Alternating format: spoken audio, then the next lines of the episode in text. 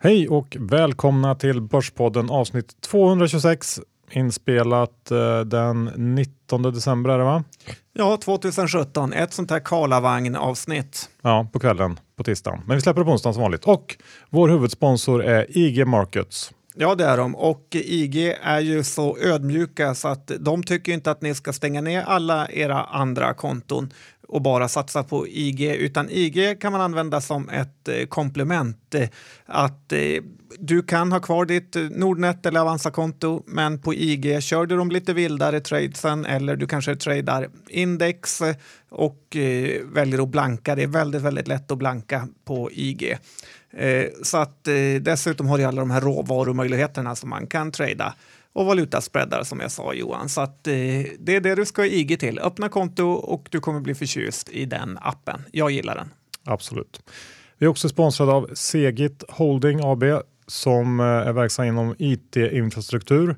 Det här bolaget genomför fram till den 21 december en fullt garanterad noteringsemission om 5 miljoner kronor. Bolagsvärdet är 34 pre-money och eh, Segit Holding erbjuder produkter inom måltjänster, konsulter och hårdvara och har sedan start återkommande kunder, till exempel Strongpoint, Bring och den nya storkunden Zenuity. Under årets första tio månader så omsatte man 45 miljoner att jämföra med 32 förra året under samma period och eh, Första dag för handel med den här aktien är 9 januari 2018 och tycker man att det låter intressant då kan man läsa mer på bolagets hemsida seget.se eller hos Aktietorget. Och som vanligt gör man hemläxan själv. Exakt. Vad ska vi snacka om idag John? Ja, idag Johan ska jag recensera lite julbord av eh, de olika firmorna på stan. Dessutom några nyårscase och sen måste vi prata H&M, eller hur? Ja, och vinstvarningsdebatten, Mifid 2 med mera, med mera. Nu kör vi igång! Johan, Dr. Bass Isaksson, index 1611 eh, och det rör sig ju knappt någonting. Sen har vi bitcoin, kanske vi ska börja referera till nu varje avsnitt också, kring 18 000. Eh, vad, Händer inte så mycket där heller. Nej, precis. Eh, lugnt, eh, men båda ned lite idag. Ja, men om vi tar börsen så den här julenisse-rally-feelingen, den vill ju inte riktigt infinna sig tycker jag det känns som. Och, eh, generellt så börjar man få, få någon slags känsla av att det börjar ta slut på bränsle eh, för börsen. Jag vet inte. Ja, lite så är det. I och för sig har ju skattereformen eh, i USA eldat på den lite. Ja, den amerikanska och, börsen går ju betydligt bättre i och för sig. Ja, det är konstigt att den kan gå så bra och vi går så segt. Ja, men, men eh, vi får väl ändå fortsätta kanske med någon slags eh, hopp om, en, om ett julnissrally för de som är långa där ute. Eh, vi lämnar det och... och... Höll du kors där? vad, vem hoppas du för? Jag vet inte, men, jag, det känns inte som det kommer hända så här fruktansvärt mycket fram tills nästa år egentligen. Så vi går över och pratar om, om någonting helt annat John. Eh, det här med att skicka ut PM och kanske framförallt vinstvarningar sent på kvällen. Det har varit omdebatterat på slutet. Eh, senast förra veckan var det Munters som skickade ut en vinstvarning vid eh, 11-tiden på kvällen och det tyckte många var fel har jag sett. Eh, Oscar Properties gjorde ju samma sak för en månad sedan ungefär.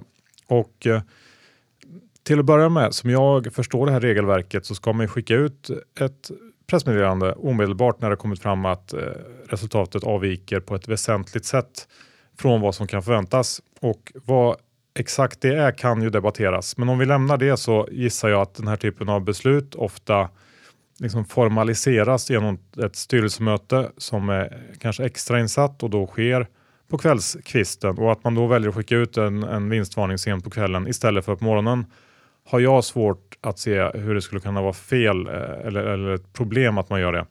Det är inte så att eh, börsaktörer och investerare missar det här bara för att det skickats ut på kvällen. Eh, och, och, man får ju faktiskt mer tid på sig att bearbeta den här informationen jämfört med om det kommer eh, en timme eller en halvtimme innan öppning. Så att jag har lite svårt att eh, bli upprörd över det här.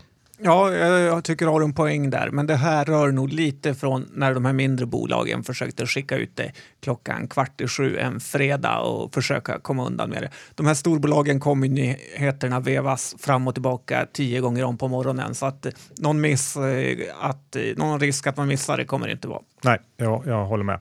Men när vi ändå är inne på det här med, med informationsgivning så går det ju inte att inte prata om bolaget Easy Filion. Eh, I början av december så skickade de ut en, en eh, kommentar på sin Q3 som eh, då hade släppts någon dag tidigare och den här kommentaren av, skriven av vdn skulle då svara på ett antal frågor som ett antal oroliga aktieägare i Easyfill hört av sig med till vdn och stora delar av den här kommentaren handlar om varför de förlorar så mycket pengar trots att eh, vd alltid säger att det aldrig har sett bättre ut. Och svaret på den här frågan är väldigt långt eh, och, förvirrande. Eh, Vd konstaterar bland annat att Easyfil har minusresultat men att man inte förlorar pengar utan investerar i produkter och marknader.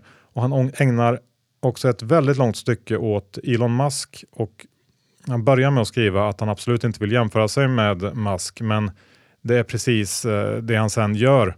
Och det finns tydligen väldigt många likheter mellan Tesla och Easyfill, men skillnaden är, och nu citerar jag från det här pressmeddelandet, att Easyfills produkter är unika medan Tesla kan i framtiden räkna med mördande konkurrens.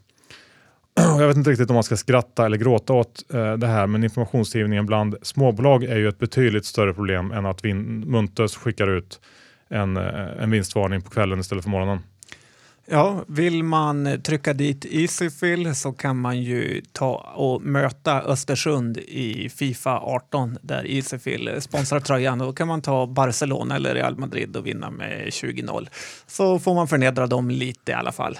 Ja, men det var bra tips. Och eh, mer vad gäller pressmeddelanden är ju kanske Billerud, Johan, om du, de var med, skickade ut ett pressmeddelande om hur stark marknaden var och försökte eh, mörka att eh, den här 20-procentiga höjningen av eh, deras maskin, eh, vad den skulle kosta. Så att det var också en liten, liten fuling. Liten fuling. Eh, man kan väl säga där som en, någon slags tumregel att det brukar inte riktigt funka med sådana fulingar. Nej, det är bättre att bara erkänna direkt. Ja. Vi, vi lämnar det och går över till eh, någonting som kanske är lite närliggande då, veckans brott. Ja, det är så att eh, Anders Lönner på Karo Pharma heter det nu va Johan? Ja. Har ju tydligen blivit förhörd angående här Oasmia-härvan där han var inne och eh, en kort stund och lyckades bli väldigt hatad. Eh, när Lönner från ingenstans, eh, bara någon månad innan det här budet i Meda gick in och våldsköpte för flera hundra miljoner så verkar EBM inte tycka att det var några konstigheter alls. Så att jag antar ju att det är Oasmia som i någon typ av hämnd försökte sätta dit Lönner. Eh, ett annat fint drag av EBM var ju när de häktade Oscar Properties ordförande för en eh, försäljning han hade gjort just innan Oscar himself eh, gjorde en sån här stor placing. Och nu hittade ju EBM inget här utan skrev av det. Och i somras, om du kommer ihåg, så blev ju Lars eh, Söderfjell eh, också häktad. Eh, det blev också avskrivet. De här killarna har ju blivit av med väldigt massa jobb och eh, deras rykte har ju svartats ner ordentligt. Man kan ju tycka att det kanske ska med lite, lite mer på fötterna innan man gör fler sådana här career enders. Eh, det sjuka tycker jag var att åklagaren sa till det här att eh, är man en gubbe på den här nivån så kan man få räkna med sånt här. Så att det var ingen ånger från dem. Eh, och någon som kanske, kanske kan vänta sig en liten påhälsning, vet du vem det är Johan? Nej. Det är ju Senses ordförande som köpte dagen innan de fick en jätteorder eh, med förklaringen att han inte riktigt hade kollat med bolaget om det var läge att köpa. Och eh, jag menar, om en småsparare kan få flera hundra papp i böter för en enpetare så kan man ju tycka att en sån här sloppig ordförande kanske ska få lite piskan också. Ja, det får vi väl hoppas nästan. Eh, vi går över till någonting väldigt tråkigt tycker jag John. Det är ju eh, alla de här regleringarna som sköljer över oss eh, och nu är det då Mifid 2 som är på gång.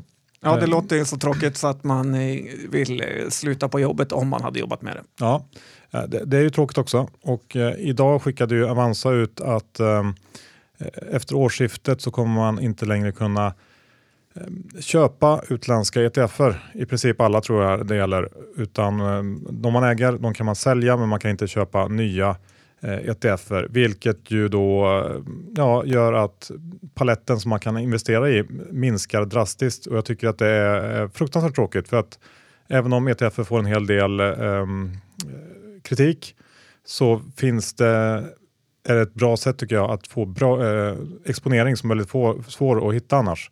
Eh, jag har ju bland annat de här eh, urangruv-ETFen, jag brukar köra guldgruv-ETFer och lite annat. Så att eh, det, jag har ganska mycket sånt i min portfölj. Och nu kommer det alltså inte gå att handla det här efter årsskiftet. Kommer det bli lite som bitcoin nu, att du kan sälja dina ETFer till ett betydligt högre pris här i Sverige än vad, vad de handlas på amerikanska marknaden? Jag hoppas ju det. Jag är eh, dock inte helt säker på det. Och um, jag tror att anledningen till att, att uh, man har valt att göra så här är att Avanza hävdar att de får inte riktigt all information de behöver från de här eh, amerikanska ETF-bolagen uh, för att kunna då uh, vara compliant med Mifid 2 på något sätt. Jag är inte helt insatt i, i detaljerna, men um, det är en tråkig utveckling. jag gissar då att det här kommer gälla alla mäklare och banker och, och sparinstitut som finns i Sverige. Man kan ju störa sig lite på hur veka och svaga de här nätmäklarna och eh, bankerna är, att de viker ner sig direkt trots att det är helt uppenbart eh, sämre för eh, spararen. Ja, och vi får väl hoppas att det här, det här är någonting som kommer att ändras inom kort så att det, att det blir kortlivat så att man kan handla ETF igen för att det är kul ändå. Ja, så är det. Mm. Ska vi avsluta med någonting roligare? Julbord. Ja. Du har varit på ett antal. Ja, men det är ju så. Det lackar ju mot jul och då bjuds det på en hel del olika julfester och julbord till höger och vänster från olika firmer. Och jag är ju inte den som tackar nej Johan, det vet ju du. Ja, det vet jag. Och, eh, så jag tänkte att jag ska rejta de här olika. Vad mm. tror du om det? Ja. Årets guldmedalj. Årets guldmedalj delar jag ut till IG Markets faktiskt, eh, som bjöd på ett riktigt eh, superkalas på restaurangen Kasai. Eh, det är ju Kalle Schulmans favorit. Det är inte bara för att de är huvudsponsorer. Jag kanske fick extra mycket att dricka där, jag vet inte. Det var bordsplacering, det var en show, det var riktigt bra mat och sen var ju, jag tror i princip alla tradingprofiler i hela Sverige som var där. Det var Ecka och det var Anders Forsberg och det var Shark Week och det var eh, den ena roligare efter den andra. Så att jag tror ingen säger emot när jag tycker att det här var grymt. Eh, silver vill, är ju inte heller dåligt. Nej. Och eh, det får faktiskt Avanza för sin julmiddag på Hillenberg. Eh, den restaurangen blev ju faktiskt eh, ratad av The Weekend här förra veckan tror jag och eh, då fick den ett väldigt gott betyg. Och det var ju också väldigt bra, eh, bra mat, men höjdpunkten var nog kanske ändå när du och livet som trader smågruffades och han knuffade ner dig från stolen och han jag brukar kalla för gammelfarfar skrek då högt på, i hela restaurangen. Kändis på golvet, det var ganska kul Johan. Ja, ja okay. eh, och det fick väl i och för sig lite backslash till den här eh, gammelfarfar när kyparen tittade runt och sen eh, eh, såg han den som vi kallar för gammelfarfar i jeansskjorta och skägg och sen sa han det här är inget vingäng va, det blir snaps och öl för er. Eh, och då trodde han förmodligen att vi kom från NCC eller något, eh, så det var lite kul. Eh, bronsmedaljen har vi ju eh, Penser och Carnegie delat på faktiskt. På Penser, allting var hemlagat av deras kock som är anställd där och på Carnegie fick man ju en riktigt bra föreläsning av Simon Blecher, eller Blecker, vad är det man säger Johan? Gissa. Jag vet inte. Blecker, tror jag. Ja, härligt, då säger vi det i fortsättningen. Och, eh, men eh, där drog vi ju några flaskor vin, eller kanske jag var den som gick in hårdast på just eh, den festen för att eh, sen bli väckt 05.30 av att mina barn hade fått vattkoppor. Och det var så fruktansvärt jobbigt så att jag var akut tvungen att låtsas som tomten, tomten varit där över natten och öppna min eh, och lämnat en Playstation som egentligen skulle bli en julklapp. Eh. Och utanför pallen, Johan, fjärde mannen, eh, Sven Nylander-platsen som man kanske inte vill hamna på. Där Nej. hamnar faktiskt eh, Nordnet. Eh, jag var inte där själv, men alla jag har pratat med var väldigt besvikna över snålheten på det julbordet. Så att direkt riskkapitalet tog över så fick traderserna betala.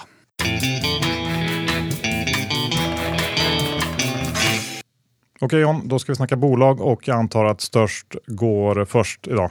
H&M såklart. Ja, de kanske inte är så stora snart, men eh, det är ju inte så modernt namn när man tänker efter. Eller vad tycker du? Hennes och Maurits. Eh, det är nog inte något man skulle döpa ett bolag till idag. Eh, och det är svårt att veta vart man ska börja här. Jag har ju börjat personligen störa mig väldigt mycket på alla fondförvaltare som mer och mer börjar låta som Fingerprint-ägare. Och de säger att det är blankarnas fel. Och det är ju väldigt pinsamt faktiskt.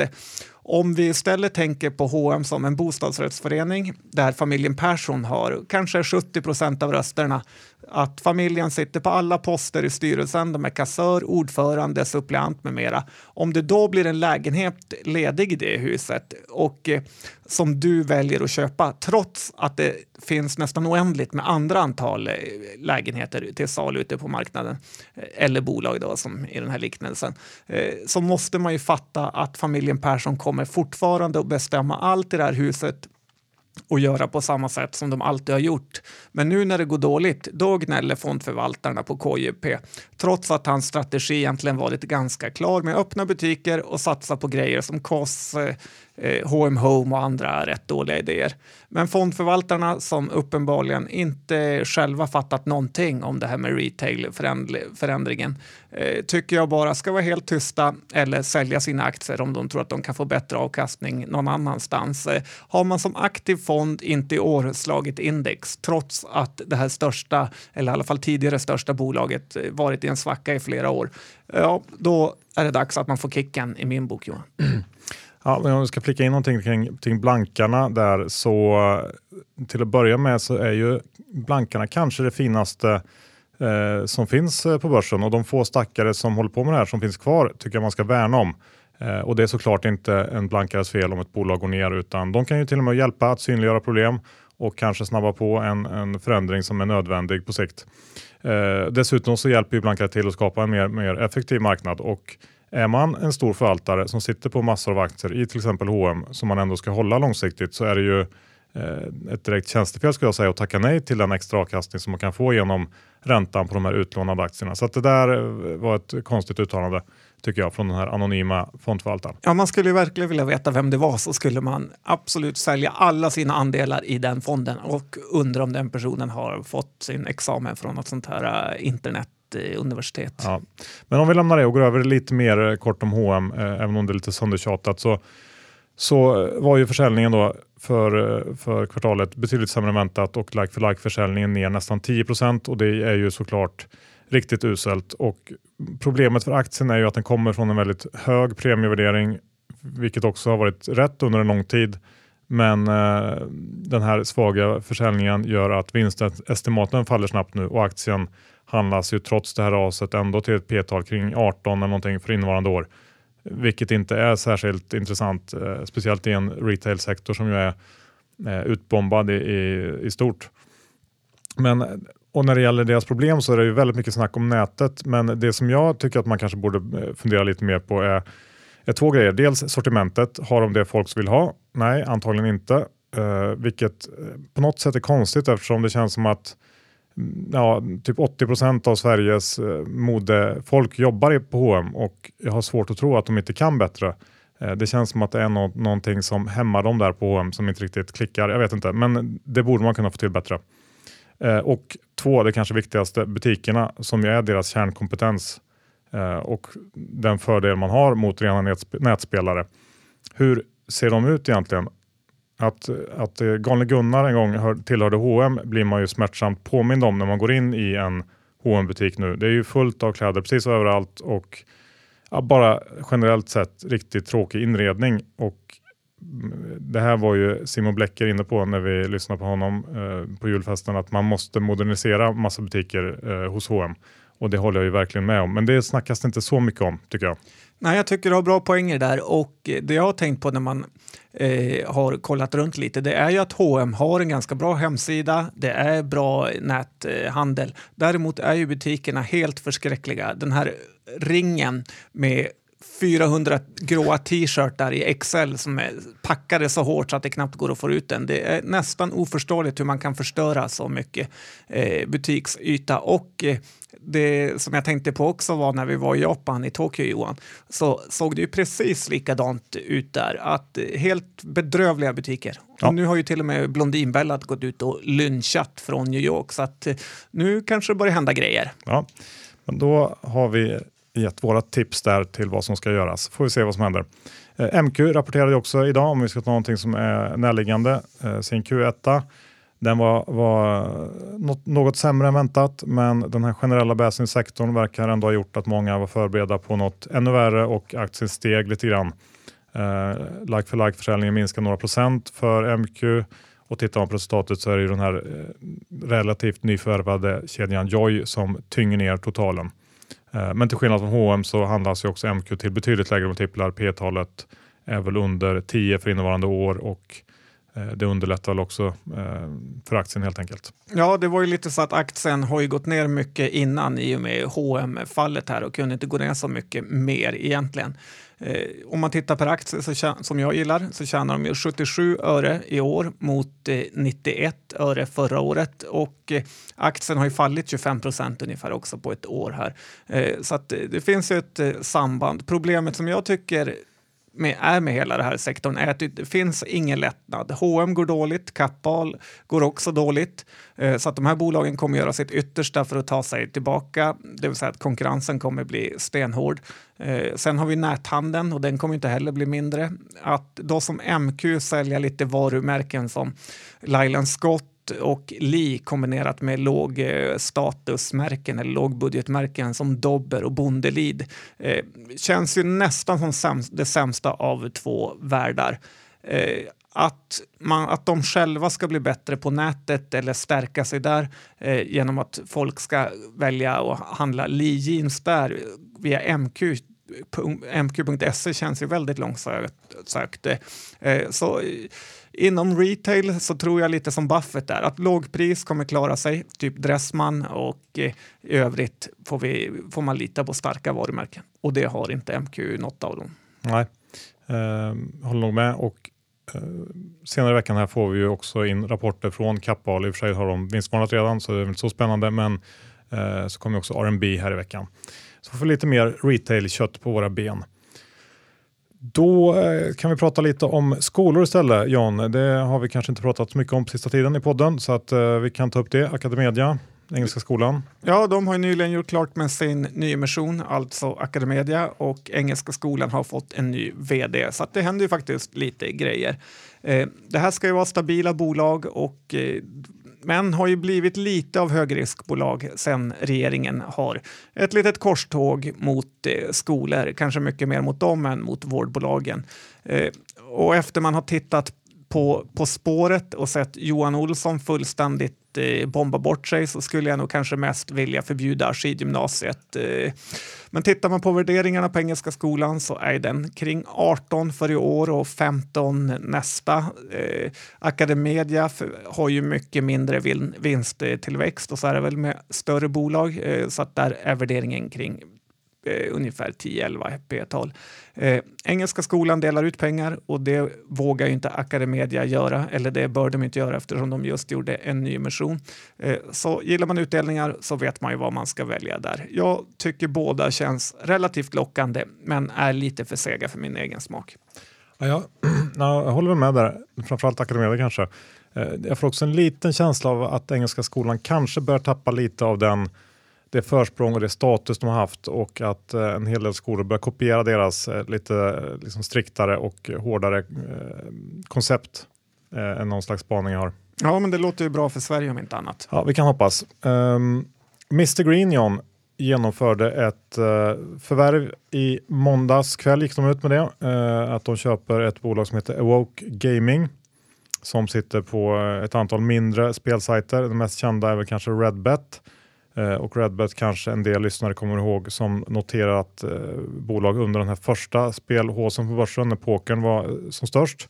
Den gången slutade resan eh, med förskräckelse efter att ehm, den tidens stora börssnackprofil Sigge Portfölj brände alla sina eh, följare på Börssnack i den härvan och sen försvann spårlöst från Börssnack. Men nu är alltså Redbet tillbaks och eh, Mr Greens ledning omnämner det här eh, bolag, framförallt Redbet då, som ett globalt urstarkt varumärke. Eh, vilket känns kanske lite tveksamt, men i alla fall så omsatte den här gruppen av eh, sajter som Evoke har 15,5 miljoner euro 2016 och då förlorade man 4,6 på ebitda-nivå och de första nio månaderna i år har man omsatt 7,4 och förlorat 4,4. Eh, och Mr Green meddelar också att det här förvärvet kommer inte ha någon eh, inverkan på resultatet under nästa år och kassaflödet kommer påverkas lite negativt. Sen så räknar man med, med synergier eh, på lite längre sikt. Men att i en bransch där det går 13 höglönsamma bolag på dussinet lyckas nosa upp en riktig förlustmaskin är ju nästan bra gjort får man säga och att sen gå och köpa det övergår lite mitt förstånd faktiskt.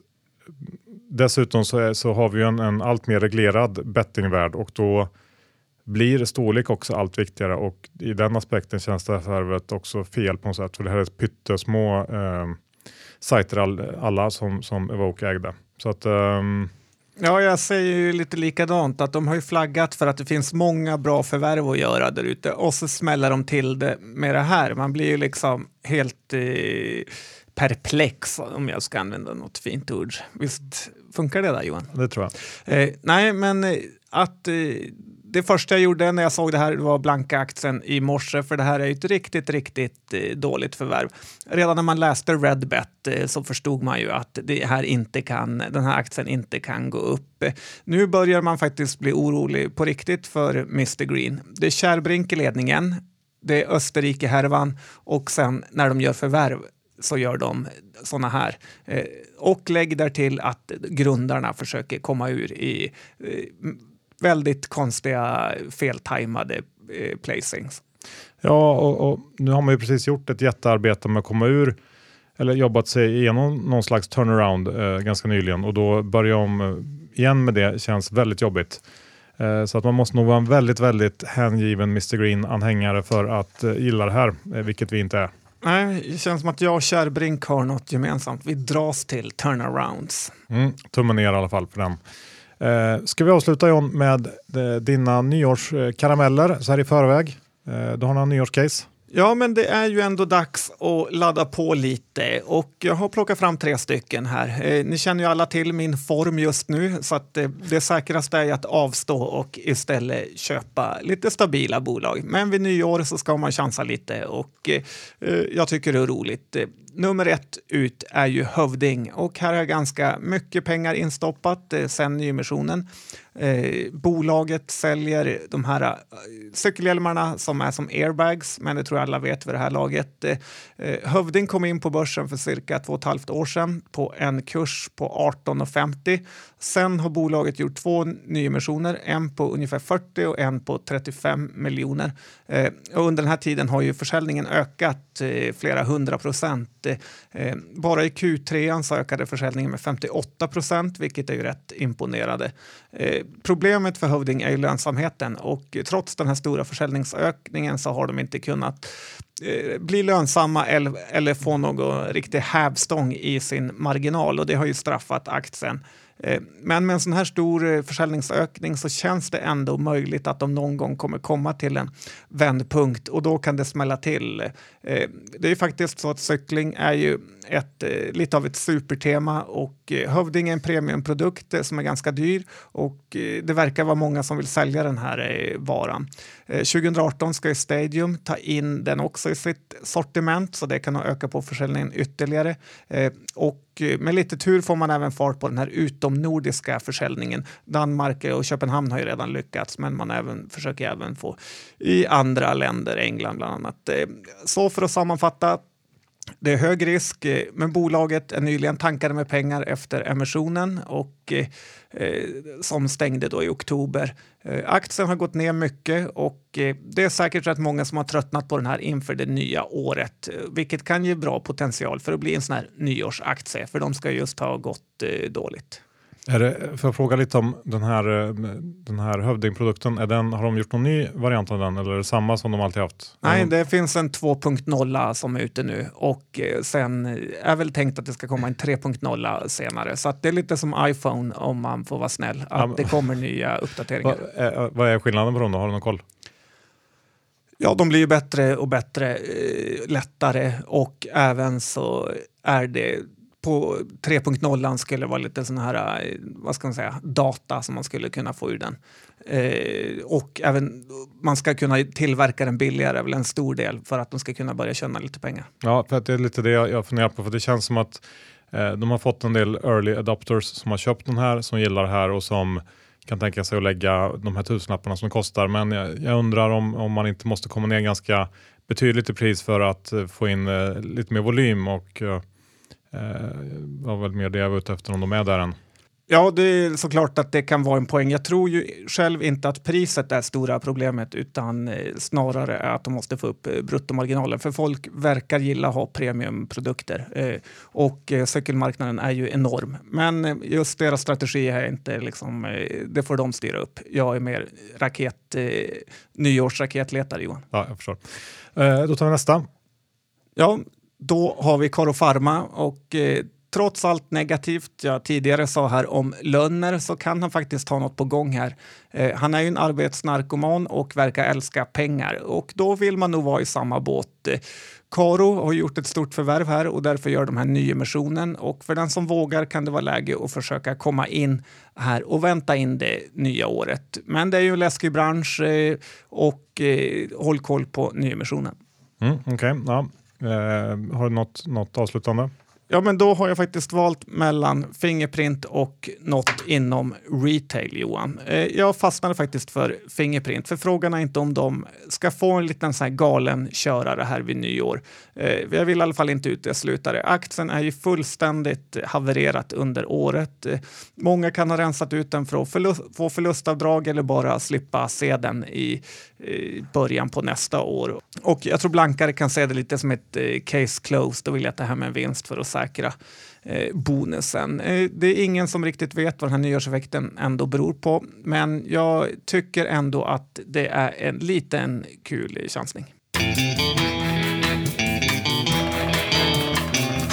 Då var det slut på avsnitt 226. Vi tackar IG Markets som är vår huvudsponsor.